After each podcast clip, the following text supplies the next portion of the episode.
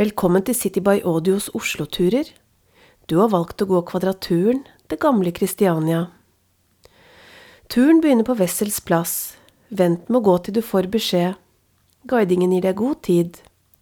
Om du skulle trenge mer tid, må du trykke pause. Vandringen tar for seg det tidlige Kristiania, nærmere bestemt Kvadraturen, som Kristian 4. anla i 1624. Byen ble anlagt ved siden av Akershus festning, og med en forsvarsvoll i en halvsirkel rundt den delen av byen som ikke var vendt mot festningen. Vollen var ni meter høy, av jord, stein og med vanngraver utenfor. Vollen begynte i vest ved Øvre Vollgate, som bare var et mellomrom mellom byen og vollen. Vollen skrådde svakt hit mot Wessels plass. Her gjorde volden en knekk mot nedre del av Egertorget, der den bøyde av ned langs Karl Johans gate, som også kun var et mellomrom mellom byen og volden. Volden endte i Dronningens gate, som den gang var Strandgaten mot havnen og sjøen. Sjøen gikk nemlig høyt opp i byen på den tiden. Det var tre kraftige og godt bevoktede porter i volden en nær den vestlige enden mot Pipevika, en hovedport midt på i Kongens gate og en port mot sjøen i Bjørvika. Turen dekker i all hovedsak byen som ble grunnlagt i 1624. Vandringen følger først volden, deretter går vi langs det som var havnen, før vi trekker inn i kvadraturen og ender ved byens første torg. Når du står på Wessels plass med Stortinget på din venstre hånd, kan du begynne å vandre mot Egertorget, det vil si mot venstre og langs Stortingets bakside. Vent når du kommer til Karl Johan. Kristian 4. hadde lenge hatt lyst til å flytte byen nærmere Akershus festning, fra der den lå tidligere, under Ekebergåsen, det som i dag heter Gamlebyen. En stor bybrann i 1624 ga han den anledningen han trengte til å tvinge igjennom flyttingen. Han planla den nye byen, en moderne by, liggende som et kvadratisk og rettvinklet nettverk innenfor voller, ved siden av og beskyttet av Akershus festning. Brede gater skulle gjøre det mulig å beskyte fienden, vil si svenskene, fra festningen, og var et viktig forsvarselement mot bybrann. Gatebredden ble firedoblet i forhold til det gamle Oslo, til 15 meters bredde. Planen ble raskt og effektivt iverksatt. Seks uker etter brannen var gateplanene tegnet og byen grunnlagt. Volden var en vesentlig del av planen for Kristiania. Den skar altså skrått over Wessels plass og brøt et gammelt tråkk opp mot Akers kirke, dagens Akersgata. På Ekertorget gjorde volden en knekk og fortsatte østover langs dagens Karl Johans gate. Ekertorget var omtrent i den nordlige spissen av kvadraturen.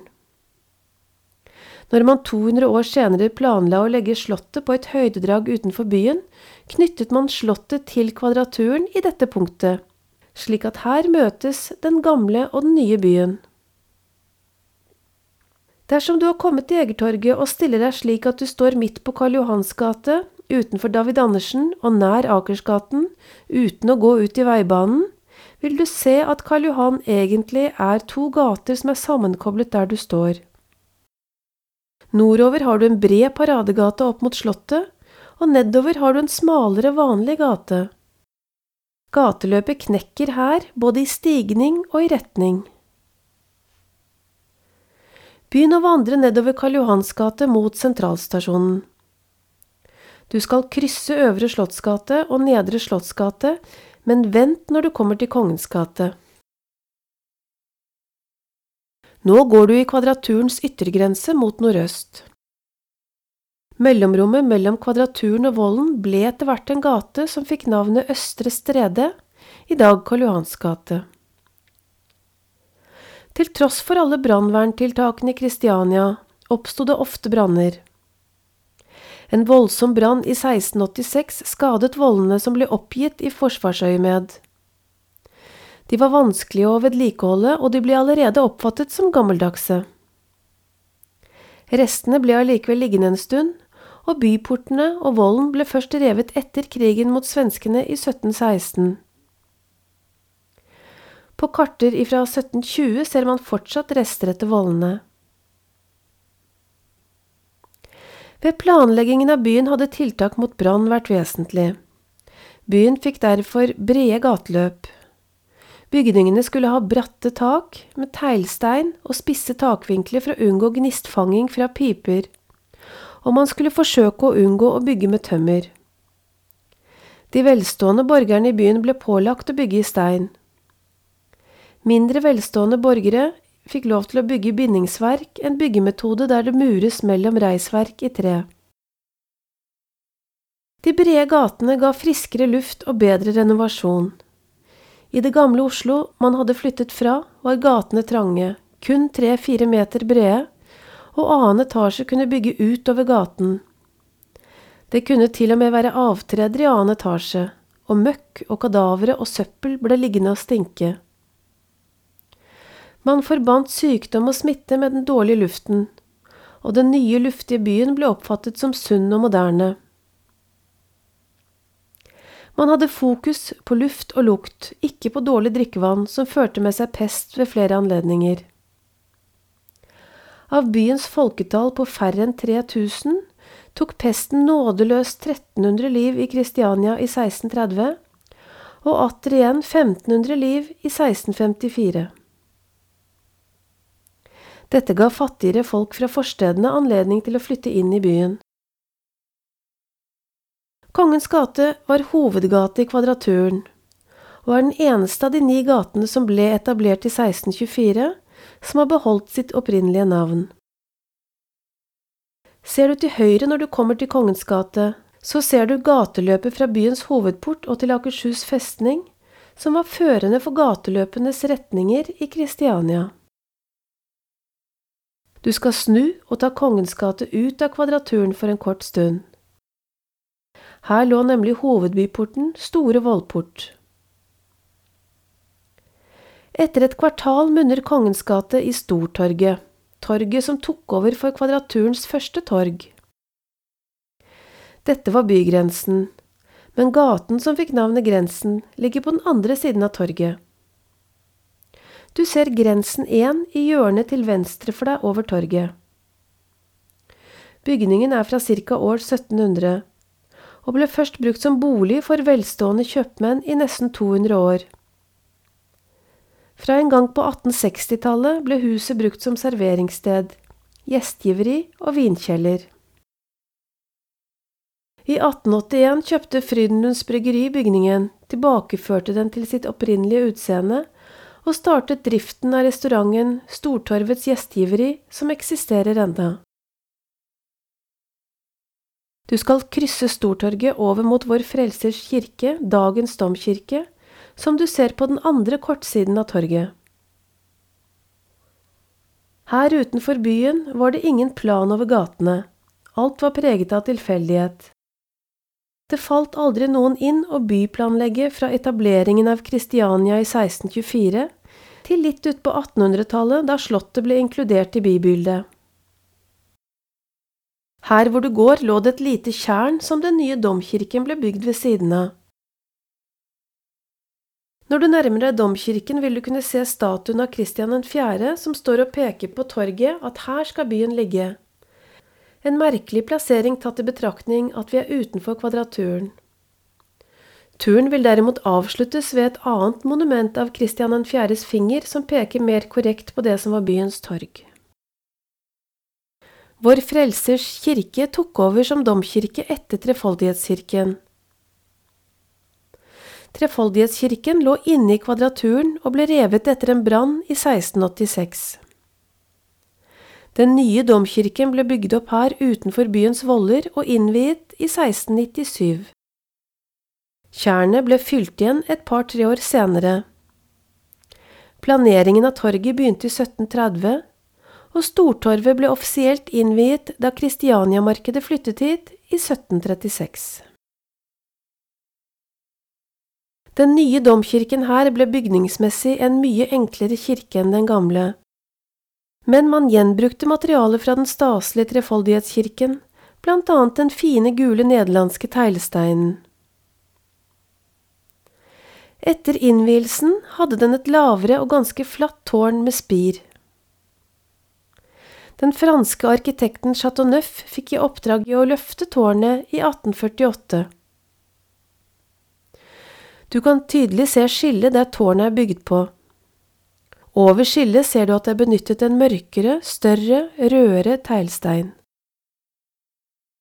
Tårnet var viktig som utkikkstårn for brann, og ble brukt til dette helt fram til 1902. Det var til enhver tid to vektere på plass i tårnet, og minst én speidet alltid etter brann. Går du bort til kirken, vil du på det tårnhjørnet du kommer til, nærmest Stortorget og Karl Johans gate, litt over hodehøyde, se en utskåret steinskulptur. Det er Djevelen fra Oslo, en skulptur man tok med seg fra Sankt Halvardskirken, domkirken, i det gamle Oslo. Det var anlagt en kirkegård rundt domkirken. Den var omgitt av en teglsteinsmur, og i portene var det ferister så ikke husdyrene i byen skulle slippe inn på kirkegårdsområdet. Vandringen vil fortsette inne i kvadraturen, bak vollen, så snu og gå mot Karl Johans gate igjen. Den skal du fortsette nedover til venstre til du kommer til Dronningens gate. Pestepidemier hadde rammet Oslo og Kristiania helt siden svartedauden på 1300-tallet. Man tenkte lite på smitte via vann, men på pestsyk luft. Man bekymret seg for forråtnelsesgasser og trodde stank hadde med seg smitte. Grisehold og gravplasser fikk et negativt myndighetsfokus. Grisene som åt avfall, dro også avfall utover og la fra seg nytt avfall. Myndighetene forsøkte å fjerne griseholdet, men det var lite populært. Vektere, den tids politikonstabler, hadde i oppgave å arrestere løpske griser. Grisen ble kilde til konflikter utover på 1700-tallet, og man ser hvordan gris og svin ble skjellsord. Etter hvert ble det slutt på grisehold i byen. Man forbød også den gamle skikken med å begrave sine døde i kirker på 1700-tallet. I mange europeiske byer nedla man bysentrale kirkegårder og flyttet gravplasser til utkantområder.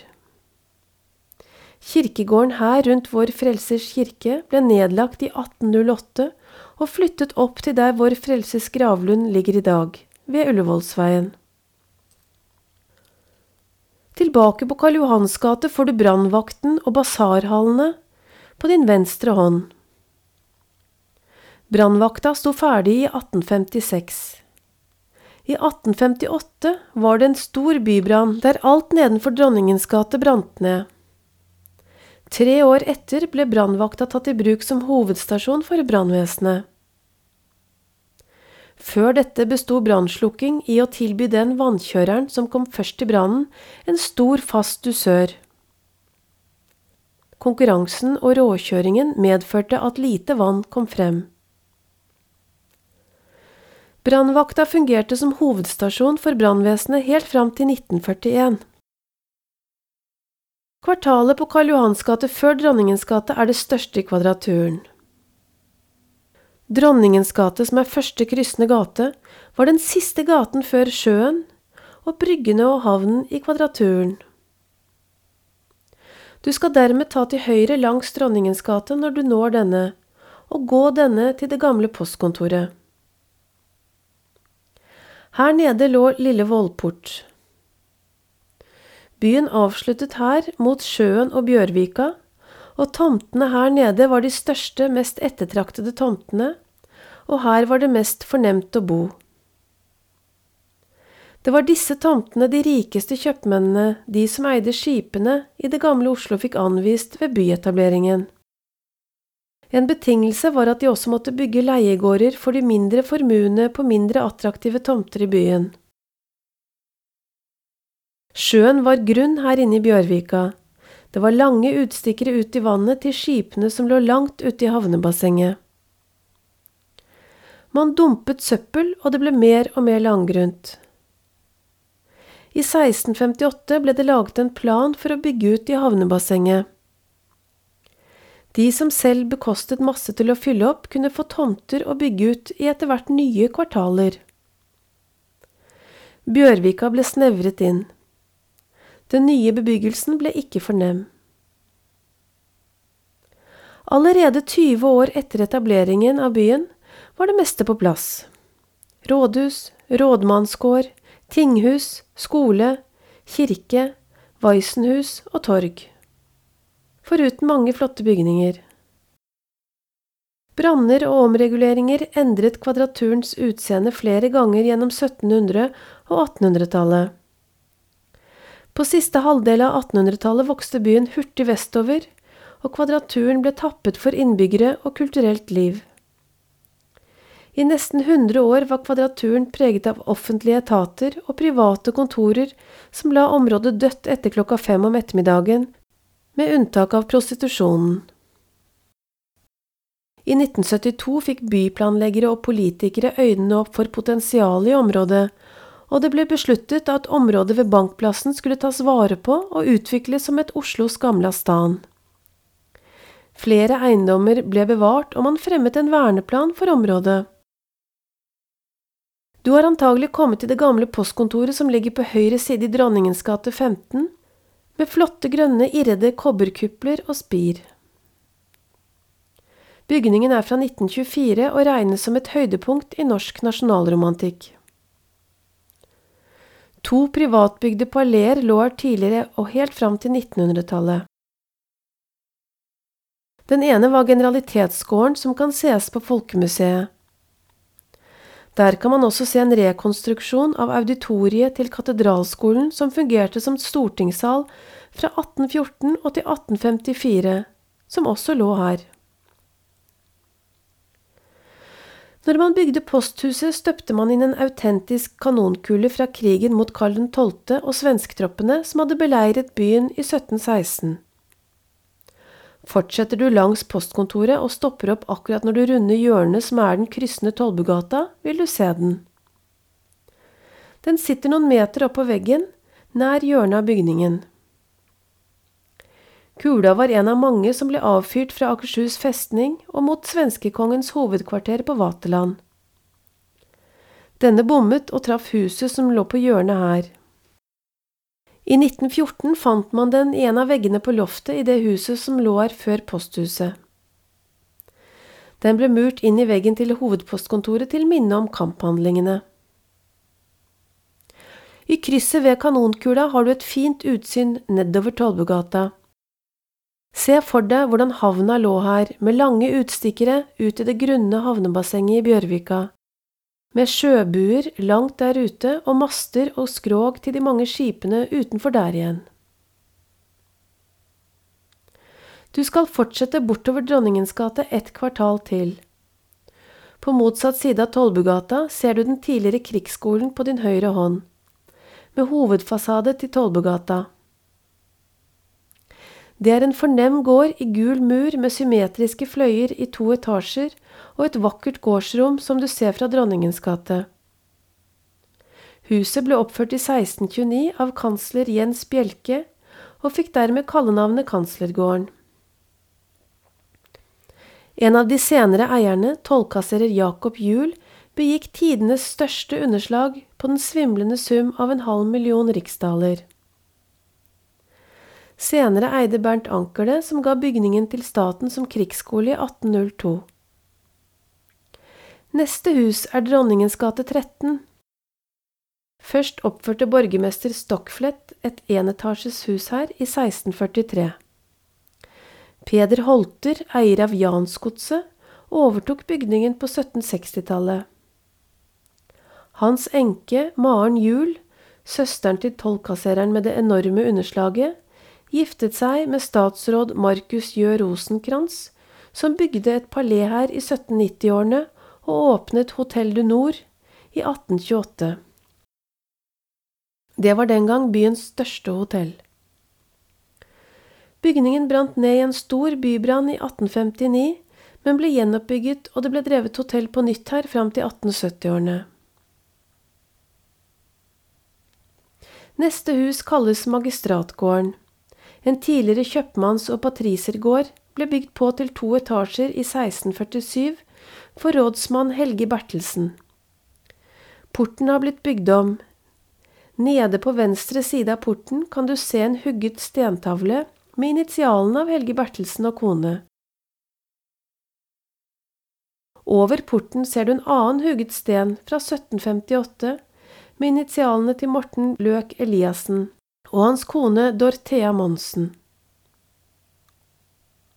Denne gården ble brukt til kommunal administrasjon mellom 1843 til 1870.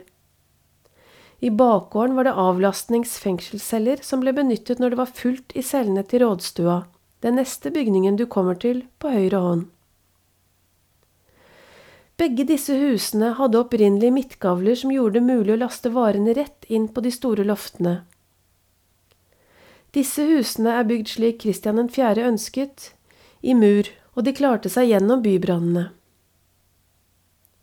Når du kommer til Rådhusgata, skal du ta denne til høyre rundt rådstua. Dette var byens andre rådhus og arrest. Etter at to eiere etter hverandre, begge høytstående embetsmenn, ble arrestert for svindel og bedrageri, ble eiendommen inndratt av kongen. Huset var det mest verdifulle i byen, og i 1733 ga Kristian 6. huset til byen som nytt rådhus. I tillegg til at det også fungerte som byens første politistasjon og arrest fra 1744, var det også en vinkjeller rådhuskjeller her. Den kjente predikanten Hans Nilsen Hauge satt i fengsel i bakgården her i syv år for 200 år siden.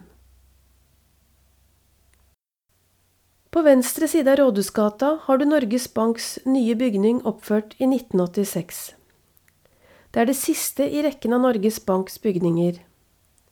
Det er tegnet av arkitektene Kjell Lund og Nils Slåtto. Norges Bank-bygningen er bygd rundt fem gamle bygninger. Her i Rådhusgata ser du tre bygninger som er fra Kristianias første år. Disse var i utgangspunktet lave enetasjes bygninger. Borgerne i Kristiania fikk tomtebrev når de hadde bygd, og det var derfor om å gjøre å bygge lavt og bredt for å få store tomter. Senere ble husene bygd på til flere etasjer. Rådhusgata 10 ble bygd på til tre etasjer i 1856, og det er lite igjen av det opprinnelige etter det. Rådhusgata 12 ble oppført i 1629 og bygd på til to etasjer senere en gang, før 1760. Rådhusgata 14 ble bygd i 1655 og var en fasjonabel gård. Haven strakte seg helt til Skippergaten og hadde en stor gårdsplass med vannpost og en treetasjes leiegård. Huset hadde tidligere et karnapp under midtgavlen i hele husets høyde som stakk halvannen meter ut og med flott utsikt til havnen og skipene i Bjørvika. Bygningen har bevart en ørliten rest av karnappet, et utspring på noen få centimeter. I seks år til han druknet seg i Bjørvika i 1808, var etatsråd Envold i Falsen eier. Hans sønn Christian Magnus Falsen er kjent som Grunnlovens far. Det siste huset på høyre hånd før du når Kirkegata, er Stadholdergården i Rådhusgata 11. Huset er fra 1640 og var opprinnelig i rød tegl og med karnapp også mot Kirkegata. Taket var opprinnelig brattere, slik det var påbudt på Kristian 4.s tid. Du kan se navnet til han som oppførte gården, myntmester Peter Gryner, i ankerjern på fasaden. Huset fikk navnet etter den neste beboeren, stattholder Ulrik Fredrik Gyldenløve, som bodde her i rundt 18 år fram til 1699. Interiørene er noe av det fineste som er bevart fra 1700-tallets rokokko. Man kan se dem om man besøker restauranten Stattholdergården, som holder til her i dag. Norges første kunstutstilling ble holdt her i 1818. Når du kommer til den kryssende Kirkegata, skal du ta denne til venstre. Når du runder Kirkegata, har du på din høyre hånd etter hjørnebygningen to små bygninger, Kirkegata 3 og 1. Her sto det først tregårder. Den store bybrannen i 1858 skapte frykt for gjentagelse, og disse murbygningene erstattet tregårdene i omkring 1866. På din venstre hånd går du langs Norges Bank, som også i dette kvartalet er bygd rundt gamle bygninger. Du passerer først en toetasjes bygning med søyler i rød granitt. Dette er et tilbygg fra 1890-årene til den neste hvite, flotte bygningen, Kirkegata 6, som ble oppført herskapelig i tre etasjer rundt 1858. Bygningen var eid av bankier og skipsreder Nicolai August Andresen. Det hevdes at det var han som innførte tradisjonen med juletre, noe han hadde tatt med seg fra studieår i Hamburg på 1830-tallet. Dette var byens første bygning med vannklosett, hele 50 år før det var vanlig. Andresens bank holdt til her senere. For et par hundre år siden var Kirkegata byens promenadegate, slik Karl Johan ble det senere, og Bankplassen var byens sentrum. Kafé Engebrett er det siste huset på høyre hånd før Bankplassen, som du skal krysse over. Du kan kanskje skimte den vakre Grev Edels plass med gamle losjen frem til venstre før du entrer Bankplassen. Foran Engebretts kafé ser du en statue av skuespiller Brun, hugget av Brynjulf Bergslien. Begge hyppige gjester av restauranten. Engebretts kafé på Bankplassen har en lang historie som restaurant, fra 1857 men var før det, på begynnelsen av 1800-tallet, privatbolig for legeprofessor Sørensen. Engebrett Christoffersen fra Odalen var først kelner på byens første restaurant, Sumpen, i Gamle Losjen, før han startet sin egen kafé og restaurant her, like ved siden av. Hold til venstre langs Museet for samtidskunst når du krysser Bankplassen. Christiania Teater lå her før Norges Bank bygde, i 1905. Når du har krysset Bankplassen, når du Revierstredet. En liten, kort gatestump på begge sider av Museet for samtidskunst, som har fått navnet etter det franske ordet for elv, revier. Dette fordi Kristian 4. planla og begynte å grave ut en kanal som skulle gå opp langs byen med havn helt oppe ved torvet. Dette måtte oppgis på grunn av grunnforholdene. Du har passert Norges Banks moderne bygning i Rådhusgata, og passerer forgjengeren som i dag huser Museet for samtidskunst. Over gaten på din venstre hånd har du nå Norges Banks første bygning i Kristiania. Den fine, hvite bygningen med søyler ble tegnet av Christian H. Grosch og oppført i 1828 i empirestil. Hovedsetet lå da i Trondheim og ble flyttet hit senere, i 1897. Det var her mestertyven Ole Høiland gjorde sitt livs kupp. Natt til nyttårsaften 1834 brøt han seg inn med selvlagde nøkler helt inn i hvelvet og stjal 64 000 spesidaler. En gedigen formue, omtrent en halv milliard i dagens verdi, som kanskje fremdeles ligger nedgravd et sted. Begynn å rusle mot høyre etter Bankplassen. Turen går tilbake til Rådhusgata. Den neste bygningen på motsatt side er Weissenhuset i Kongens gate 1. Huset ble oppført i én etasje og steinhvelvskjeller i 1640 av byfogd Mats Haraldsen. Initialene hans og hans frues ser du på fasaden. Så ble det bygd på en etasje, og det fikk karnapp og indre svalganger mot baksiden. Huset ble ramponert av kanonene ved den svenske beleiringen tidlig på 1700-tallet. Etter dette holdt det en salkasserer til i gården, som begikk underslag. Staten ble deretter eier av gården. I 1778 ble Kristiania oppfostringshus etablert her av kong Kristian 7. for å være skole og hjem for fattige og foreldreløse barn. De holdt til her frem til 1917 og ble kalt Weissenhuset på folkemunne. Ordet Weissen kommer fra tysk og betyr foreldreløs.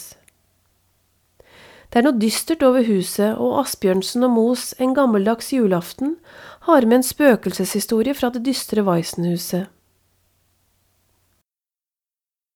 Neste bygning, Kongens gate 3, ble bygd i 1640 som en fornem bolig i halvannen etasje og med karnapp som huset har beholdt.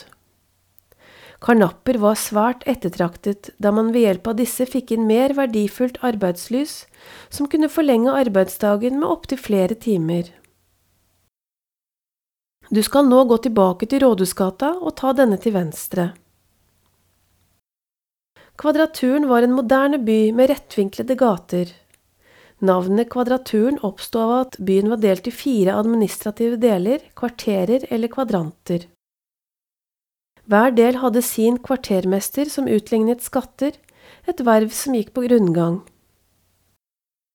Kongens gate og den kryssende Tollbugata et kvartal inn mot sentrum delte byen i fire. Når du tar til venstre i Rådhusgata, er det kun to kvartaler igjen til det som var byens torg. På torget lå den høye, staselige og påkostede domkirken Hellige Trefoldighetskirke, fra den ble innviet i 1639 til den brant i den kraftige bybrannen i 1686, som startet med lynnedslag i domkirken. Da besluttet man å åpne opp byen sett fra festningen, og gi rom for beskytning fra festningen, heller enn å satse på volden og en uinntagelig by. Militæret hadde makt nok til å drive gjennom byplanlegging forankret i slike hensyn, og man besluttet å rive den skadde domkirken og flere bygninger som lå oppe ved byens første torg. I krysset Rådhusgata og Nedre Slottsgate har du rådmannsgården på din høyre hånd. Dette er byens eldste gjenstående hus, og samtidig et av kvadraturens best bevarte. En lav fløy langs Nedre Slottsgate ble oppført av rådmann Lauritz Hansen i 1626, og resten av huset ble bygd få år etter. Han bygde først bolig til seg selv her, før han fikk bygd rådhus tvers over gaten 17 år etter. Som flere andre staselige hus i Kvadraturen var bygningen rød og gulstripete, en effekt man fikk ved å snu den nederlandske teglsteinen i annethvert lag. Huset hadde karnapper og tre trappegavler. Bygningen, som har spennende interiør i renessanse, ble på 1800-tallet brukt som universitetsbibliotek, Deichmansk bibliotek og garnisonssykehus. På motsatt side, i begynnelsen av torvet, har du byens første rådhus. Rådhuset ble oppført i 1641 av rådmann Lauritz Hansen på oppdrag fra kongen. Det ligger tvers over gaten for det som var boligen til rådmannen. Huset hadde trappegavler og et tårn med tårnværelse for brannvakta. Buehvelvet i kjelleren er tatt vare på. På 1600-tallet lå det side om side skjenkested og fangehull nede i kjelleren. Rådhusfunksjonen ble senere flyttet, men restauranten som i dag ligger i første etasje, har tatt vare på husets historie med navnet Det gamle rådhus.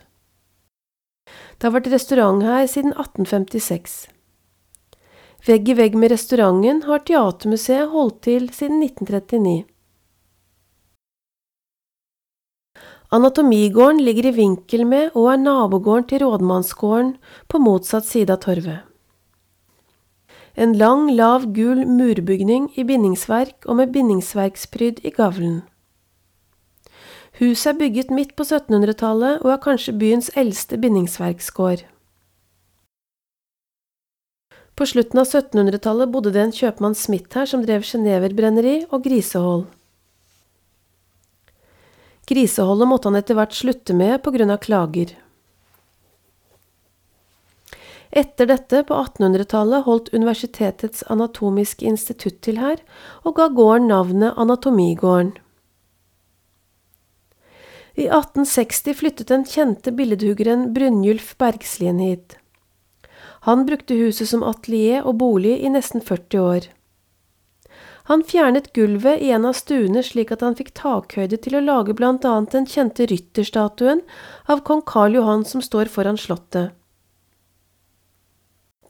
Når Gustav Vigeland, 19 år gammel, gikk og sultet og frøs uten mat, penger og bolig i Kristiania, tok han omsider mot til seg og gikk hit til Brynjulf Bergslien. Han fikk først oppgaver her på atelieret og ble videre hjulpet i gang som billedhugger av Bergslien.